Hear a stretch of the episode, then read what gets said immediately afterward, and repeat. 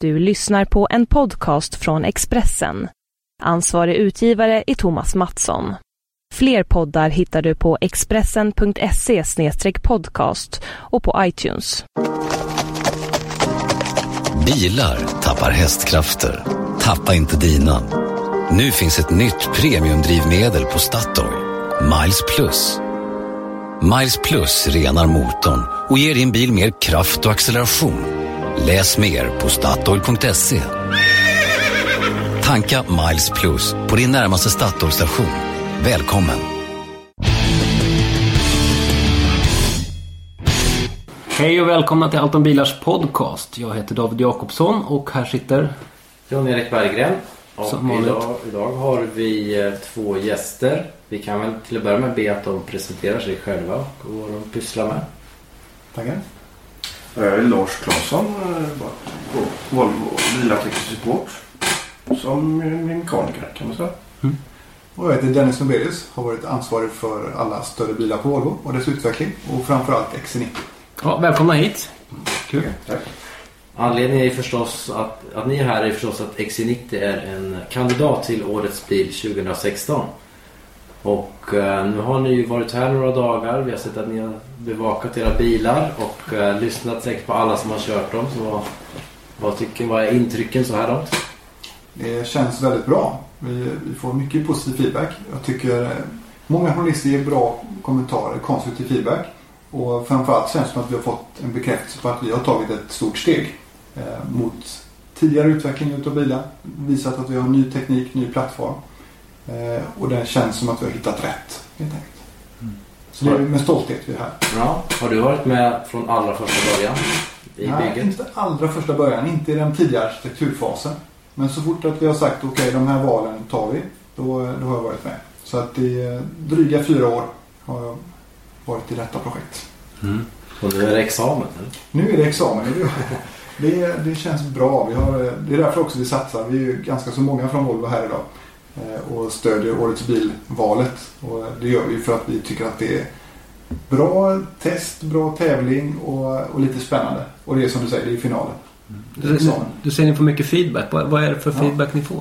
Vi får feedback på vår ac- acceleration på bilen. Och säger va? Har ni en fyrcylindrig 2 liters motor i den här stora X90? Jag hade förväntat mig en annan respons.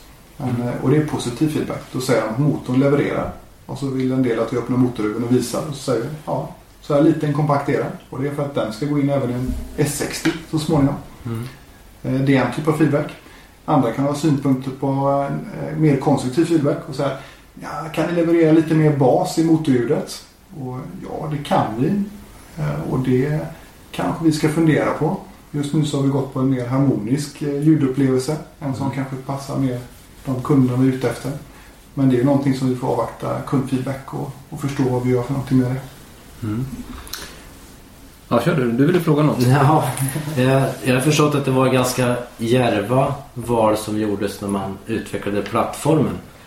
Ehm, hur, hur djärvt är det här egentligen? Det här bygget? Ja, det känns... Vi, kanske, vi vande oss ganska tidigt med att ha gjort de här valen och, och gått på det spåret. Så det gjorde vi för fyra, fem år sedan i den stilen.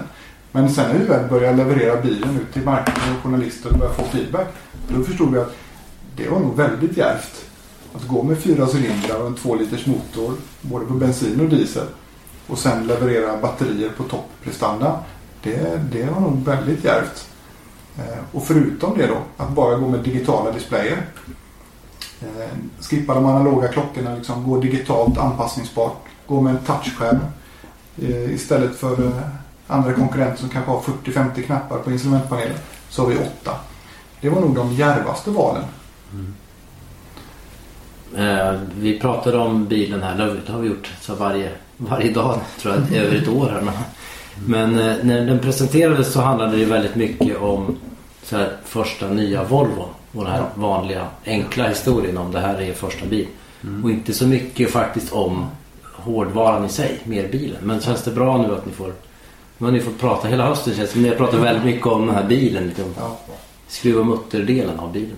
Ja, den är, den är viktig för oss. För det är som du säger, det är, det är basen för alla kommande bilar. Så eh, nästa år kommer ju med S90 och V90 och V90 Cross Country. Och de bygger på den här teknikbasen. Och det är även alla 60-bilar som kommer därefter.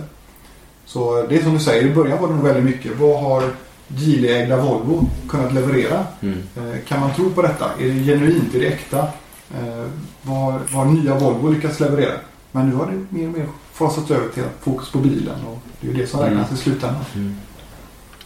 Eh, tekniken i eh, flera modeller. Du pratade tidigare till om att det passar ännu bättre i andra modeller. Ja, jag skulle säga att eh, den passar nog väldigt bra i, även i en XC90 men eh, om man vill få full utväxling på chassit så är det optimerat för en S60. Eh, och det är som så att man behöver få den att fungera toppenbra i en S60 och sen så skalar vi upp den så att den eh, passar bra även i X90. Men i en S60 så får du det nya sparchassit sin eh, fulla potential. Så där kommer du kanske möjligen märka den största skillnaden mot, eh, mot dagens bilar. Varför går man nerifrån och upp och inte uppifrån och ner? Det är rent eh, packningsmässigt. Geometriskt. Mm. Man måste se till att det passar i en S60 och sen får man det är enklare att, att skala upp någonting till eh, större bilarna.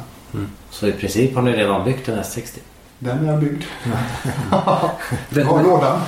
Verktygslådan. ja, har ni kört bilen? S60-bilen har jag inte personligen kört. Nej, men den finns. S90 har jag kört. Mm. S- S60 finns som prototyper idag. Det måste ju ha varit ett spännande projekt att jobba i och då undrar man så här. Fanns det dagar, kvällar, nätter när du åkte hem från jobbet och tänkte att det här går inte. Det här kommer aldrig funka. Ja, det skulle jag väl säga att när vi började göra pressbilarna och sa att vi ska leverera pressbilar i Spanien vecka sju eh, tidigare år. Och Lasse och hans gäng fick de bilarna till sig eh, ett par veckor innan. Då eh, hade ni en del tuff feedback till oss. Berätta Lasse, vad, vad handlade det om? Ja, Det var ju väldigt mycket. Ja, för det första var det mycket material vi fick byta som, eh, för att de här bilarna var så tidigt byggda för att vi skulle få så sen status som möjligt. Mm. För ofta går ju inte delarna eller vad man säger, strukturdelar, paneler och sådana grejer går ju inte i produktion för, eller startar ju inte massproduceras förrän produktionen ska starta i stort sett. Mm. Och det skulle ju bytas då på de här bilarna som var byggda med sådana delar som inte var produktionsmässiga. Så att det blir så mycket likt en produktionsbil som möjligt. Eller vad ska man säga? Ja. Så, som en produktionsbil. Som bilen kommer att vara. Och det var många sådana delar som skulle bytas. Ja, det var ju många bilarna var byggda rätt tidigt. Då går man från eh, låga, låga volymer i, i mjuka verktyg så att säga till hårda verktyg och stora volymer.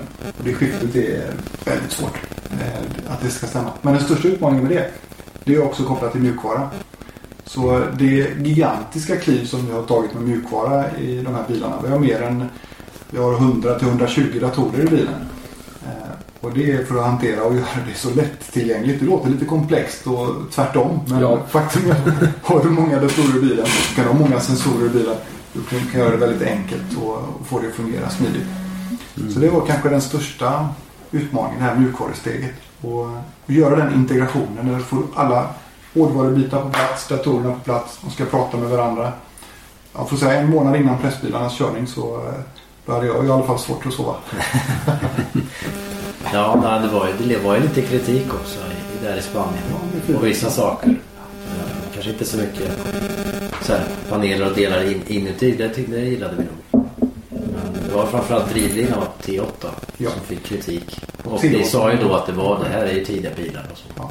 T8 är alltså plug-in-hybriden. Ja. Så, här, så vår plug-in hybrid eh, den beslutade vi också att ha med på pressbilarna trots att vi då låg nästan ett halvår eh, senare i produktionsstarten med den. Eh, Och den var den mest komplexa bilen. Men vi valde ändå att säga det att vi kan inte ha en presskörning och sen inte ha med top of the line eh, drivlina. Så resonerade vi. Då sa vi, vi tar med den och då vet vi att ni, ni ser mycket. Ni ser mycket under era dagar. Så att vi litar på det att ni kan, ni kan hantera att det är en förseriebil. Det tyckte jag, det, det kunde ni. Så all heder till det. Och feedbacken och reportagen efteråt visade att det var nog rätt ha med den T8. Det har ju varit en väldigt Åtminstone lång... min uppfattning. Ja, ja det För det skapar någon slags nyfikenhet som hänger kvar på nästa... Ja. Ja. Fanns det också eh, dagar, kvällar och nätter när du åkte hem från jobbet och, och tänkte att wow, det här blir jättebra. Det, här, Ja. det är alltså där man blir så här överlycklig. Ja, det, var nog faktiskt efter då Spaniens presskörning. när vi var med, med det där. Det är den första. Och sen ja, möjligen också om man backar ytterligare lite längre bak så var det nog Parismässan. När vi fick möjlighet att visa upp bilen för allmänheten, konkurrenter och kunder som kommer in och, och tittar på det. Jag hade ju personer som hade åkt ifrån, ifrån Lettland till exempel som, hade, som kunde mer om bilen än, än Volvohandlaren just då vid det tillfället. Det var ganska intressant att möta dem. Och säga, ja, jag är här idag för jag ska bestämma om jag ska ha en R-design eller inscription eller vad jag nu önskar. Hjälp mig nu med det valet för hemma klarar de inte av det just nu. Så det, det var ju väldigt, väldigt spännande. Äntligen kunna berätta om, eh, om det här. Ja. Kul. Finns det någonting som, som du fortfarande känner att jämrans, vi kanske inte skulle ha gått den här vägen, den här lösningen? Nej, inte ännu ska jag säga. Vi hade igår kväll så hade vi på en annan plats i Sverige en eh, Early Buyer Study. heter. Då kommer de tidiga köparna som har tidigt ägt en XC90 och ger sin feedback. Vad tycker de efter ett par månaders ägande? Eh, Och den feedbacken jag fick igår var att de är översvällande nöjda. Så att så långt tycker jag det känns bra. Mm. Och eh, det är klart att man funderar på skulle det gått den vägen eller den vägen. Men jag kan inte idag säga något specifikt område så. Utan det, det behöver gå några månader till för att vi ska samla på oss eh, tillräckligt mycket fakta kring det. Du berättade också här ute när vi pratade att, att nu har ni liksom Mm. trimmat till det här lite, ännu lite mer till S90. Är det, det finns. Men kommer det att dyka upp i, i nästa modellår i, av X90? då? Ja, det är korrekt. Så att, eh, och det är riktigt. Alltså, vi lär oss ju konstant så att det, allting vi gör kommer att vara bättre från, från dagens nivå. Så att nästa modellskifte, vilket är till sommaren nästa år. Då kommer vi kunna föra in alla nyheter som vi har tänkt oss i S90 även naturligtvis X90. Så att det kommer vara en kontinuerlig utveckling. Och då pratar jag framför allt om aktiva säkerhetsfunktioner och den typen av funktionalitet. De kräver mycket simuleringar, mycket timmar på väg och utveckling. Ja, ja, det- jag var ju på er testanläggning här för, för någon vecka sedan och det snurrar ju fortfarande XC90-bilar runt där och Ja, testar saker. absolut. Så det, den är, det är inte slut på utveckling. Det är inte slut. Nej. Nu har vi fått basen. Så nu gäller att förfina och utveckla.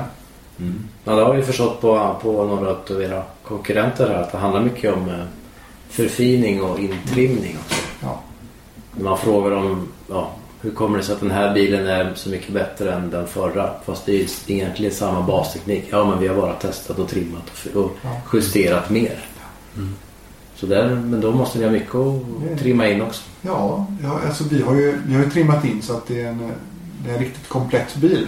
Men det som vi inte har gjort är ju att fått den breda massan kundfeedback. Mm. Och det får man ju, skulle jag vilja säga, under första året. Mm. Vad tycker de om komfortchassit? Är det, är det tillräckligt komfort? Vad tycker de om dynamic-chassit? Ska det vara Ska du skruva till det ytterligare tajtare? Eller vad, hur känner man kring det här? Mm.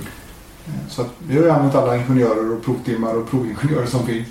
Men det är ju först när vi får ut de här 72-3 tusen ordrarna vi har just nu i systemet. När de kommer ut till kunderna och vi får feedback därifrån. Då har vi det på riktigt. Det var en tidigare arbetskompis till mig som ville köpa en XC90 men då var det alldeles för lång väntetid på den. Det Ja, tror han sa ett halvår eller Ja, det är alla XC90 T8 hybridbilar. De är slutsålda för hela modellåret. Så att beställer den idag så kan du få tidigast få den till sommaren nästa år. Mm. Men det varierar lite på vilken modell så att det, det, och vilket land man befinner sig i. Mm. Men eh, vi, är, vi är överraskade utav den. Vi hade ju planerat 50 till 55 000 produktionsbilar i år. Mm. Och vi, eh, ja, vi kan inte producera nog. Är det några speciella marknader som ni prioriterar med, med de första bilarna? Eh, nej, det skulle jag inte säga. Utan vi, har, eh, den, vi gjorde en allokering i början på året. Där vi såg till att snabbt få ut eh, bilar så att varje handlare hade tillräckligt med bilar för att kunna demonstrera lokalt. För det tror vi är en av nycklarna för att kunna få igång intresse och försäljning. Men därefter så beror det väldigt mycket på vilken spec du har på bilarna. Mm. Beställer du som det har blivit nu då nästan 75% utan den högsta specen på bilarna. Så eh, får vi problem hos alla leverantörer och hela kedjan. Mm. För det har vi inte räknat med. Nej, Vad hade ni räknat med? Vad... Säg eh, 35-40% kanske. eh, Första året Mm. på eh, R-design eller inscription som är toppnivåerna. Men som sagt, det, Det hamnar på runt 75 procent.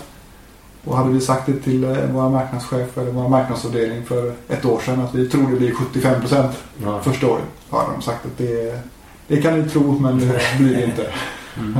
Men det är väl en trend överlag att, att det blir mer och mer välutrustade bilar.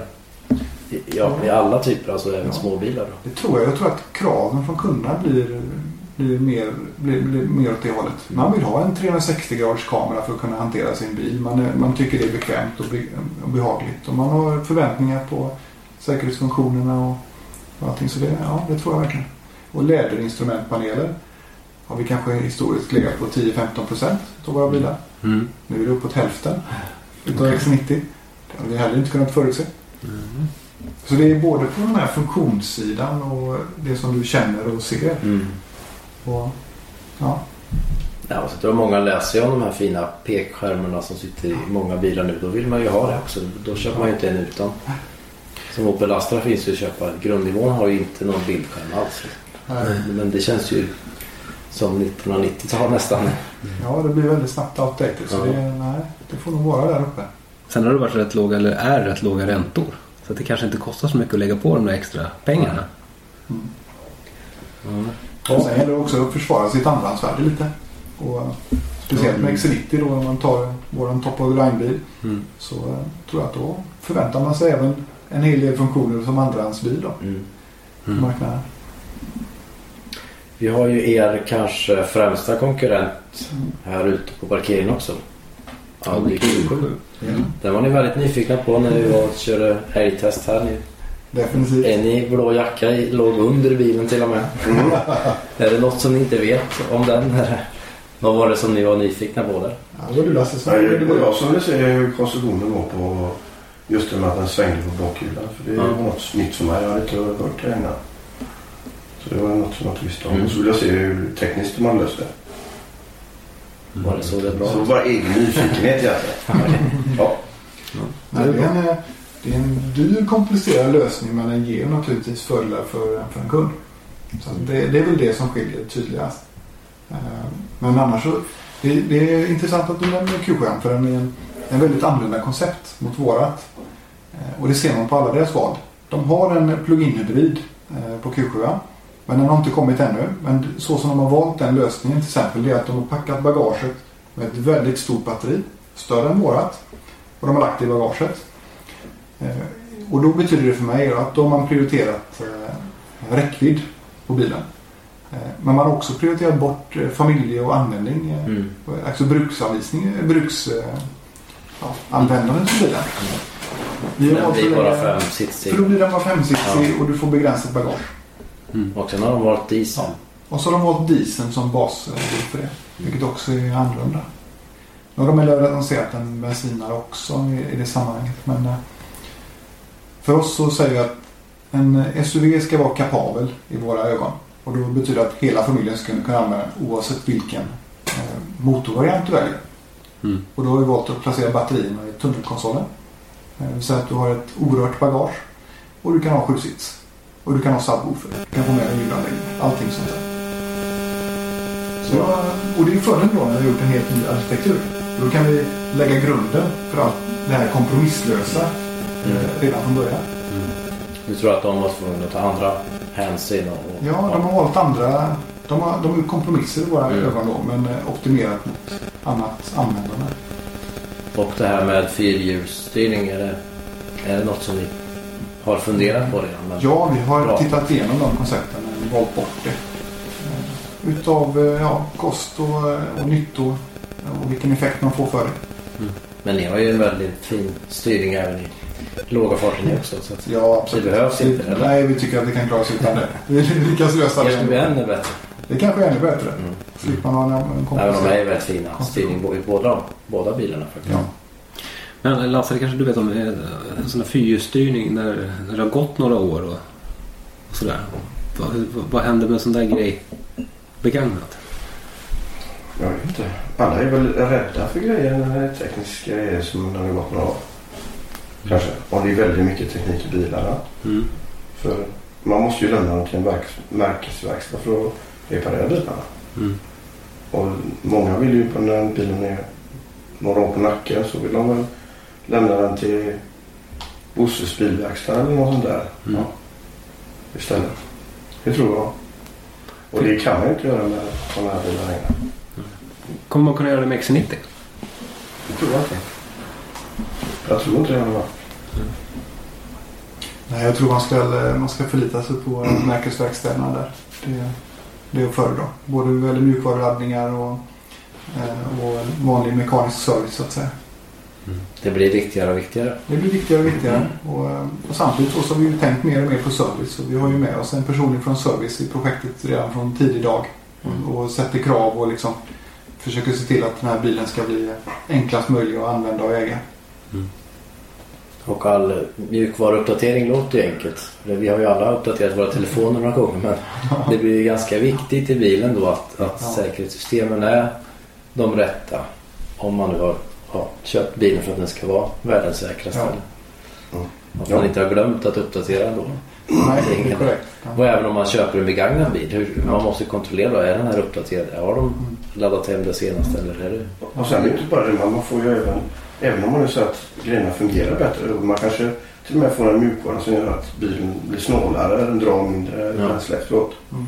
Som man kanske inte tänker på. Den växlar bättre. Och typ sådana grejer. Och även nya funktioner kan man få med nya mjukvaror. Ja. Jag har exempel på äldre bilar vi har gjort och även nu på XC90 kommer jag också få ett uppgraderingspaket på infotainment. Alltså den får nya funktioner för de kunderna som har köpt sina bilar redan. Så bara om ett par månader, och det fick kunden information om redan när de köpte sin XC90 första gången. Eh, fick de informationen. Välkommen tillbaka under senhösten. Då kommer vi att kunna erbjuda Apple CarPlay. Som vi tror mycket på som lösning. Eh, och även då som du säger Lasse få en del infotainment-uppgraderingar. Som kan eh, lägga till funktioner till bilen. Befintlig hårdvara, nya funktioner. Jag provade ju Apple CarPlay i Opel Astra. Det Ja. funkar faktiskt väldigt bra. Ja, du jublade ju nästan där. Ja, visst är det härligt. Ja men det, är, ja, det finns ju många, det funkar ju med blåtandskoppling och, och ibland och ibland inte. Och vi har ju en, en långtestbil, Outlander, som inte tycker om iPhone 6 till exempel över blåtandskopplingen. Och, Mm. ja, ibland så Ja men det blir liksom störningar. Man vill ju att det här ska vara enkelt. Mm. Där tror jag kraven från kunderna kommer bara att öka. Ja. Man vill hoppa in i sin bil och då vill man att det ska finnas där. Mina podcast ska finnas där. Och Ja. Min musik ska vara enkel att hitta. Och så. Och då har vi ju en fördel då. Eh, Vi kan ju ta jämfört med andra konkurrenter så har vi en fördel för vi har en rätt så stor skärm. Och den skärmen har vi dedikerat fyra stycken eh, rader till kan man säga. Och den nedersta raden är, är nu då dedikerad till Apple CarPlay. Mm. Så att hoppar in i din bil, kopplar in sladden i din telefon. Då har du i fjärde raden eh, Apple CarPlay. Och då kan du trycka på Expressens podcast så är det bara att, lyssna. Grymt. Och er feedback då från de här första ägarna. Gillar de bildskärmen? För det var ju vissa, Ja. vissa som var tveksamma vet jag i, i presskörningen där i, i Spanien att ja men då ska man hålla på och swipa här och så kommer man att göra det. Är det svårt eller? Ja, sen. Eh, förvånansvärt positivt faktiskt. Vi tänkte att okej, kanske vissa kunder, vissa, om man nu inte använder en, eh, en, eh, ja, en vanlig smartphone i i vanliga livet. Hur, man- hur van är man med det här? Men eh, i och med att skärmen fungerar både med handskar och utan och du behöver egentligen inte vara där och arbeta. Utan när du kör din bil så fokusera rakt fram, titta på vägen, titta ner i ditt instrument eh, innanför ratten. Det är det du behöver titta på. Eh, Vill du, vill du ha tid och känner du har lust då kan du göra hur, hur mycket som helst med din pekskärm. Men du behöver inte göra det. Så det tror jag det har nog bidragit en hel del. Men du har också berättat att du ska börja ditt jobb Ja, inom kort. Börja, då ska du börja sälja den här. Nu ska vi förstå hur kunderna upplever XNE. Nu ska jag stå, stå till svars för vad det är vi utvecklar. Och det stämmer. Nu har jag blivit VD för marknadsbolaget i Schweiz av alla ställen. Och det är, ett, eh, det är ett spännande land för att det är höga spesar på bilen. Det är en väldigt eh, premiummarknad. Så att de som ligger i toppen det är liksom våra tyska vänner och så, eh, och så ligger Volvo som ett bra, bra märke också. Mm. Och det är fyrhjulsdrift och det är bra motorer, det är höga spesar på bilarna. Och de är väldigt krävande som kunder. Så att det tänkte jag skulle lära mig av. Okej. Du nämnde också att ni hade lite speciella garantier där. Det stämmer. Där har vi eh, bakat in eh, kunderna är sådana så att de efterfrågar ett extremt problemfritt ägande. Och de är villiga att, eh, att betala. Redan när man köper sin bil så betalar man något extra. Och då får man fem års gratis service och tio års garanti på bilen. Mm. Och det är ganska unikt. Hur, hur, hur mycket extra betalar de för detta? Eh, Det beror lite på hur man räknar så det kan jag inte ge ett exakt svar på. Det låter ju väldigt bra. Vi brukar ju sitta och i Ja. våra fakta sitter och skriver in garantivillkor Mm. På alla bilar. Och, och det är ganska magert i Sverige med två års nybilsgaranti på en Ja. bil för en och en halv miljon kan det vara. Ja, Här får du eh, fem års gratis service, alla förbrukningsartiklar som bromsbelägg och liknande. Eh, Behöver inte tänka på någonting. Det är bara olja man möjligen betalar. Mm. Så att det är bra. Så är det tio år som sagt då. Eller Du får ta med det 15 tillbaks 000 till, mil. tillbaks till Sverige så de inför något liknande här. Ja. det tror jag nog att många kunder vill ha faktiskt. Mm. Det tror jag med. Vi har ju några märken som har långa garantier som har det som marknadsföringstrick Ja, såklart. ja. Fast då gäller det att den ska täcka det mesta. Ja. Så att det, det är ju alltid det. Mm. Men det är bra. Vi ska ta med oss det tillbaka. Eh, älgtestet var vi inne på, snuddade lite grann. ja, Du har ju rattat runt eh, alla de här bilarna som är här för att de här bilarna som är här för att försöka ta sig in i den här exklusiva finallistan till årets bil. Nu körde du allihopa på alla, en alla bana 30. Vi igår. körde två olika Volvo-bilar. Volvo fick lite specialbehandling för ni hade olika fjädring här så vi ville testa både luftfjädring och den, den vanliga så att säga. Mm. Så vi körde två XC90 och de andra, andra 28 kandidater och eh, det var väl eh, spännande. Det var, det var väl några, många var väldigt bra. Många var väldigt, eh, uppförde sig väldigt logiskt och, och lika eh, beroende på hur man körde men det var några som föll ur lite grann. Ni var ju där större delen av dagen. Var det något som ni upplevde eller tänkte på? Man ser lite annorlunda utifrån faktiskt. Men i ratten och faktiskt helt annorlunda Ja. baksäte. Jag har suttit baksätet också. Eh, Förra året. Ja. Nej, För det första jag tycker jag det var imponerande av dig att, eh, att köra alla de bilarna på det sättet. För det, det var tuffa svängar och eh, det måste ha känts. Och Ja, det igenom var, alla de bilarna. det var, ju- alla, är- alla är olika men någon, någon krävde lite Ja. tillvänjning också. Någon extra runda för att Ja. Mm. förstå liksom, hur styrningen där fungerade. Så. Ja, så får jag säga att hade jag fått önska så hade jag nog satt in dynamic-läget i körningen. För Mm. en SUV är ganska stor och hög och eh, rätt mycket massa när vi sitter fem i bilen. Mm. Eh, Så att jag hade föredragit eh, dynamic-läget för då hade bilen stabiliserat upp sig och blivit lite mer eh, sportig och styrd i chassit. Mm. Och sen har ju vi ett ganska unikt system som heter RSC som vi installerade tillsammans med förra X90. Vårt rollover-skydd Mm. så att man inte ska tappa över med bilen. Och det gick ju in ganska så tidigt i det här eltestet vilket gjorde att du förmodligen fick en lite mer rakt framstyrning Mm. så att säga. Eh, Men ja, eltestet i, i all ära. Sen tyckte jag nog också att aktiv säkerhetsdemonstrationen som vi fick göra vid sidan av. Mm. Det kändes som en, en väldigt bra utveckling framåt här och börja föra in det i årets biltest. Ja, vi hade ju... Dels fick ju ni visa upp Ja. er, ert eget system och så kunde man köra de andra bilarna som har någon form av uh, autobroms eller ja, emergency braking, alltså nödbroms. Mm. Alla har ju så mycket olika system så det, det jag Olika hade namn. inte tillfälle att Tekniker. prova de andra. Jag var upptagen där men uh, var du upptagen att filma och grejer. Så. Mm. Men det var ett bra tillskott. Det, det hoppas att vi kan göra om och eh, kanske att det kräver en e- egen del av en dag och inte samtidigt. Mm. Eh, vi försökte också under intervjuerna igår att, att eh, få de här andra tillverkarna förklara hur deras system fungerar. Och det var inte det lättaste. det var verkligen inte det lättaste. Någon tillverkare som jag skulle prata med. Jag ställde frågan hur fungerar det här systemet? Eh, Och då satte sig två killar och började bläddra i olika papper. Och pärmar då. Och då kände jag så här, nej men vi skiter i det. Jag kan. Och, eh, en tillverkare har ju ett system som vi har förstått efter mycket efterforskning att det, det utgår lite grann från adaptiv farthållare. Och att då fungerar det ju bara på rörliga mål och över en viss hastighet. Alltså inte om en bil står stilla i stan om det är en kösituation. Utan Okej. Ja. bilen framför eller där du nu ska känna till är på, du att krocka med måste röra på sig. Och eh, det var ju lite speciellt. Ja, vi försöker ju egentligen. Vi uppmuntrar ju även våra konkurrenter att gå in med, med aktiva bromssystem som standard. Mm. Eh, Så det är också någonting vi noterat här. Att det, det är ju inte så lätt att förstå vad en bil är utrustad med.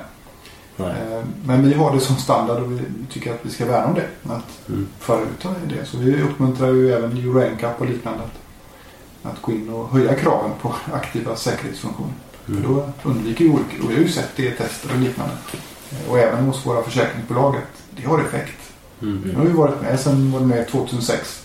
Så att vi, har, vi har sett att det är resultat. Man, det händer mindre olyckor med Volvobilar som, eh, i och med att vi har fört in det som standard. Mm. Det var ju tydligt i Folksams rapport. eh, Hur säker är bilen? hette den rapporten.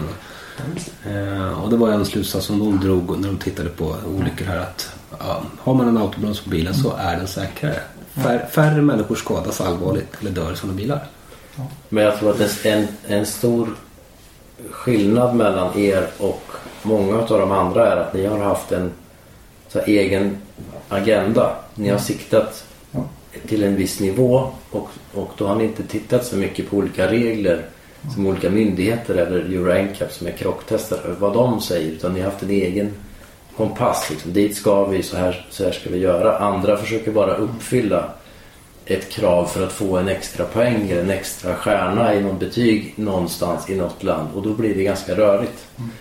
Och då, de, de gör bara minsta möjliga för att få de här poängen. Mm. Istället för att liksom tänka till och göra en teknik och nu ska vi dit, det- så här ska det fungera. Jag tror det är därför man hamnar här och, och jag tror BMW hade något system där man kan köpa till tre olika nivåer och ja, det, det är jätterörigt här. Till och med för dem själva som sagt när de ska förklara. Ja. Och vi som ju lyssnar på väldigt många, vi har också problem och vad ska inte, vad ska inte vara för kunderna då? De som har väldigt lite aning om det här. Ja, det här, det här är jag ju extra stolt för. Volvo har jobbat så länge med säkerhet. Och vår ambition är att ingen ska skadas eller dö i en Volvo. En ny Volvo 2020 och framåt. Mm. Och det kan man ju säga med även vår säkerhetsexpert på plats här, Thomas Broberg och gänget som har varit med och jobbat så länge. Eh, och haft sin egen vision och egen data eh, och haverikommissioner och liknande ute och tittar och försöker förstå vad det är som händer. Så det känns bra. Vilket gör ju då att vi är ju en, en trovärdig partner att prata med dem som sätter de här nya reglerna och kraven Mm. i olika länder. Och då kan vi säga att ja, baserat på detta och detta så skulle vi föreslå åt det här hållet. För det tror vi på. Och vill vi gå åt det hållet så kommer vi att hjälpa industrin. Och det är väl säkerhet som är vårt område där vi kan verkligen göra det med trovärdighet. Så ja, jag håller med. Ja, och Excelity fick ju högsta möjliga betyg. Inte högst av alla hittills testade utan högsta möjliga betyg för de här hjälpsystemen. 100% av Euro NCAP. Så det var väl bra. Det är väldigt bra. Det är bra. Det är bra. Det är så bra det kan bli. Men vi pratade lite, igår så pratade vi lite grann om eh, att X, nya X90 har ännu inte varit inblandad i någon sån här allvarlig olycka som någon har dött. Förutom en av era testförare.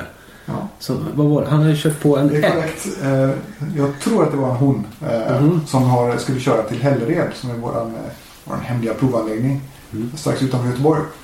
Eh, Och på vägen dit krockade med en älg. Och det positiva är att bilen uppträdde precis som det var planerat, som det var tänkt. All, all teori höll och visade sig i verkligheten och naturligtvis oskadd och kom ut ur bilen på ett bra sätt. Men det är, det är läskigt med stora, stora djur. Mm. Och älgen? Älgen överlevde icke. Nej. Men det var ett bra test. Hade de haft mätutrustning igång och så. Ja, det hade varit det bästa, men eh, tyvärr inte. Ett fantastiskt test. Ja, det var ett... Så det har, till och med våra Volvo-folk eh, tar hand om och provar på riktigt. Har ni själva varit med någon gång när något system, typ autobroms, har aktiverats när det inte har varit meningen för er? Eller sådär ute i trafiken? Nej, inte i trafiken. Har du det Lasse? Tror? Inte ut i trafiken. Däremot för garageporten på jobbet. Okej. Ja. Man, eh, Då ska man, öppna, man ska öppna den först. Ja, nej, men garageporten går ju uppåt så här. Och liksom man vet att den har precis passerat huven och då liksom när man kommer lite fart och den börjar ju öppnas innan eh, avkänningen i golvet. Så då tror man att ja, men jag kan ju köra fram dit innan jag behöver bromsa. Mm. Och så gasar jag och så bromsar han själv bilen för att den ser att det här kommer jag gå i annars. Ja. Men det är ju bara att huven är ju, den hade klarat huven om man så. Mm. Men bilen ser ju att det är ett hinder. Då bromsar den. Garageporten, garageporten känner ni inte igen? Nej, vi har ju en, eh, vi har en bom först hos oss före porten och då rullar man fram och sen ska man dra ett kort. Och då har man ju några gånger rullat lite för snabbt fram där. Man har gjort det så många gånger så man har ju man har en bra känsla för när man ska bromsa. Men då har man ibland bromsat för sent och då bromsar bilen. Jag har ju faktiskt två gånger lyckats aktivera eh, autobromsen i Volvo-bilar. Okej. En, en gång i samband med fotografering. Jag låg väldigt nära en bil framför. Och så skulle fotografen stå en bit bort och panorera de här bilarna tillsammans. Och då får stjärnan längst fram i våran fotobilskö för sig att trycka på bromsen. Och då får bil nummer två trycka på bromsen och så var jag sist. Jag fick väl kanske... Jag fick ju ett par tiondelar på mig att reagera. Jag, jag hann inte ens flytta foten från gaspedalen till bromspedalen. Men, men bilen fattade och bromsade och stannade. Var väldigt bra. Sen var det bara några veckor sedan i S60 Cross Country. Ja. Det var någon pucko som ställde sig på bromsen framför mig i en korsning. Och då bromsade bilen också in. Så, Det är en mäktig upplevelse när det händer. Ja, Och den går ju aldrig in eh, om den märker. Om du, om du har en chans att bromsa så går den inte in. Mm. Men när den märker att nej, du har inte foten på bromsen, du aktiverar inte, du kommer inte hinna. Då slår den till. Mm. Och oftast är det ju en eh, nära upplevelse och då är det läskigt att uppleva. Men positivt sen. ja men det är ingen bra upplevelse alls. Det, Men det, man behöver inte flytta foten från gasen.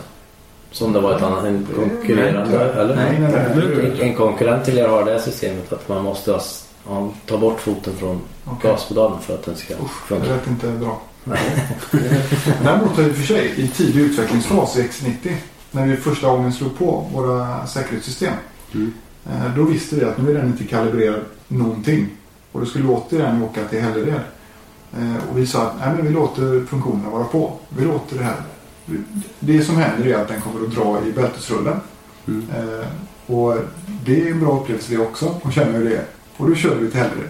Och för varannan bil vi mötte då så drog den elektriska bältesrullarna in föraren ordentligt. Smack in i, i stolen. Och det, det var en, till slut så blev det så att man spände sig när man såg bilen komma. Och så väntade man och så kom rycket i bältet. Och så satt man på rätt plats i stolen. Så att eh, det, det testet gjorde vi en gång. ja, Men det var ju väldigt tydligt under älgtestet.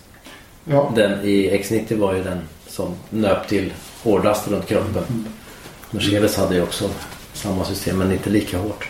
Vi upplevde också när vi körde XC90 mot stillastående, stillastående hindret vid sidan av banan där. Ja, Det suger till bra. ja. och då är det ändå eh, ska man säga, första nivåns kraft. Mm. Så att hamnar man i en riktig olycka så, så drar den till ännu kraftigare. Och då gör det nästan ont. Ja, det, det gör det. Men eh, det, det är så viktigt nämligen att man sitter rätt i stolen. Om man eh, hamnar och kör av eh, vägen eller liknande. Om det är riktigt illa fall. Det är så viktigt att sitta rätt i stolen. Så då är, då är det värt det. Då ser vi till att dra tillbaka dig med bältets hjälp. Gör det det i baksätet också? Nej, det gör vi inte. Det, det är olika system som, som ska samverka. Mm. Så att skyddsnivån är samma på alla eh, bältesplatser. Oavsett var du sitter i bilen. Mm. Men det, det är, eh, i framstolen så är det ännu viktigare och då ser vi till att dra det tillbaka. Vi har ratten i vägen och andra saker där. Ja, intressant. Verkligen. Vi får väl eh, tacka för er medverkan. Ja, Det är jättekul att höra så mycket mer om X90. Lycka till på nya jobbet får vi säga också. Tackar så mycket. Och i årets bil. Och i årets bil. Snart är det final. På, det påverkar ju du. Ja, lite. En 58 del. Ja, ja det är inte för att. Ja, tack så mycket. Tack så mycket. Bilar tappar hästkrafter. Tappa inte dina.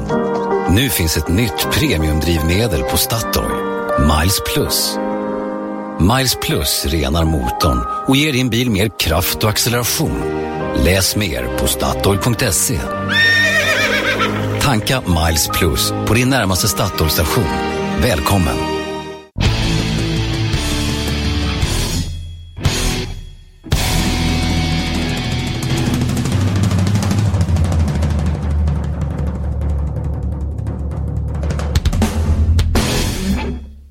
Du har lyssnat på en podcast från Expressen. Ansvarig utgivare är Thomas Mattsson. Fler poddar hittar du på expressen.se podcast och på iTunes. Ett poddtips från Podplay. I fallen jag aldrig glömmer djupdyker Hasse Aro i arbetet bakom några av Sveriges mest uppseendeväckande brottsutredningar. Går vi in med hemlig telefonavlyssning och, och då upplever vi att vi får en total förändring av hans beteende. Vad är det som händer nu? Vem är det som läcker? Och så säger han att jag är kriminell, jag har varit kriminell i hela mitt liv men att mörda ett barn, där går min gräns. Nya säsongen av Fallen jag aldrig glömmer på Podplay.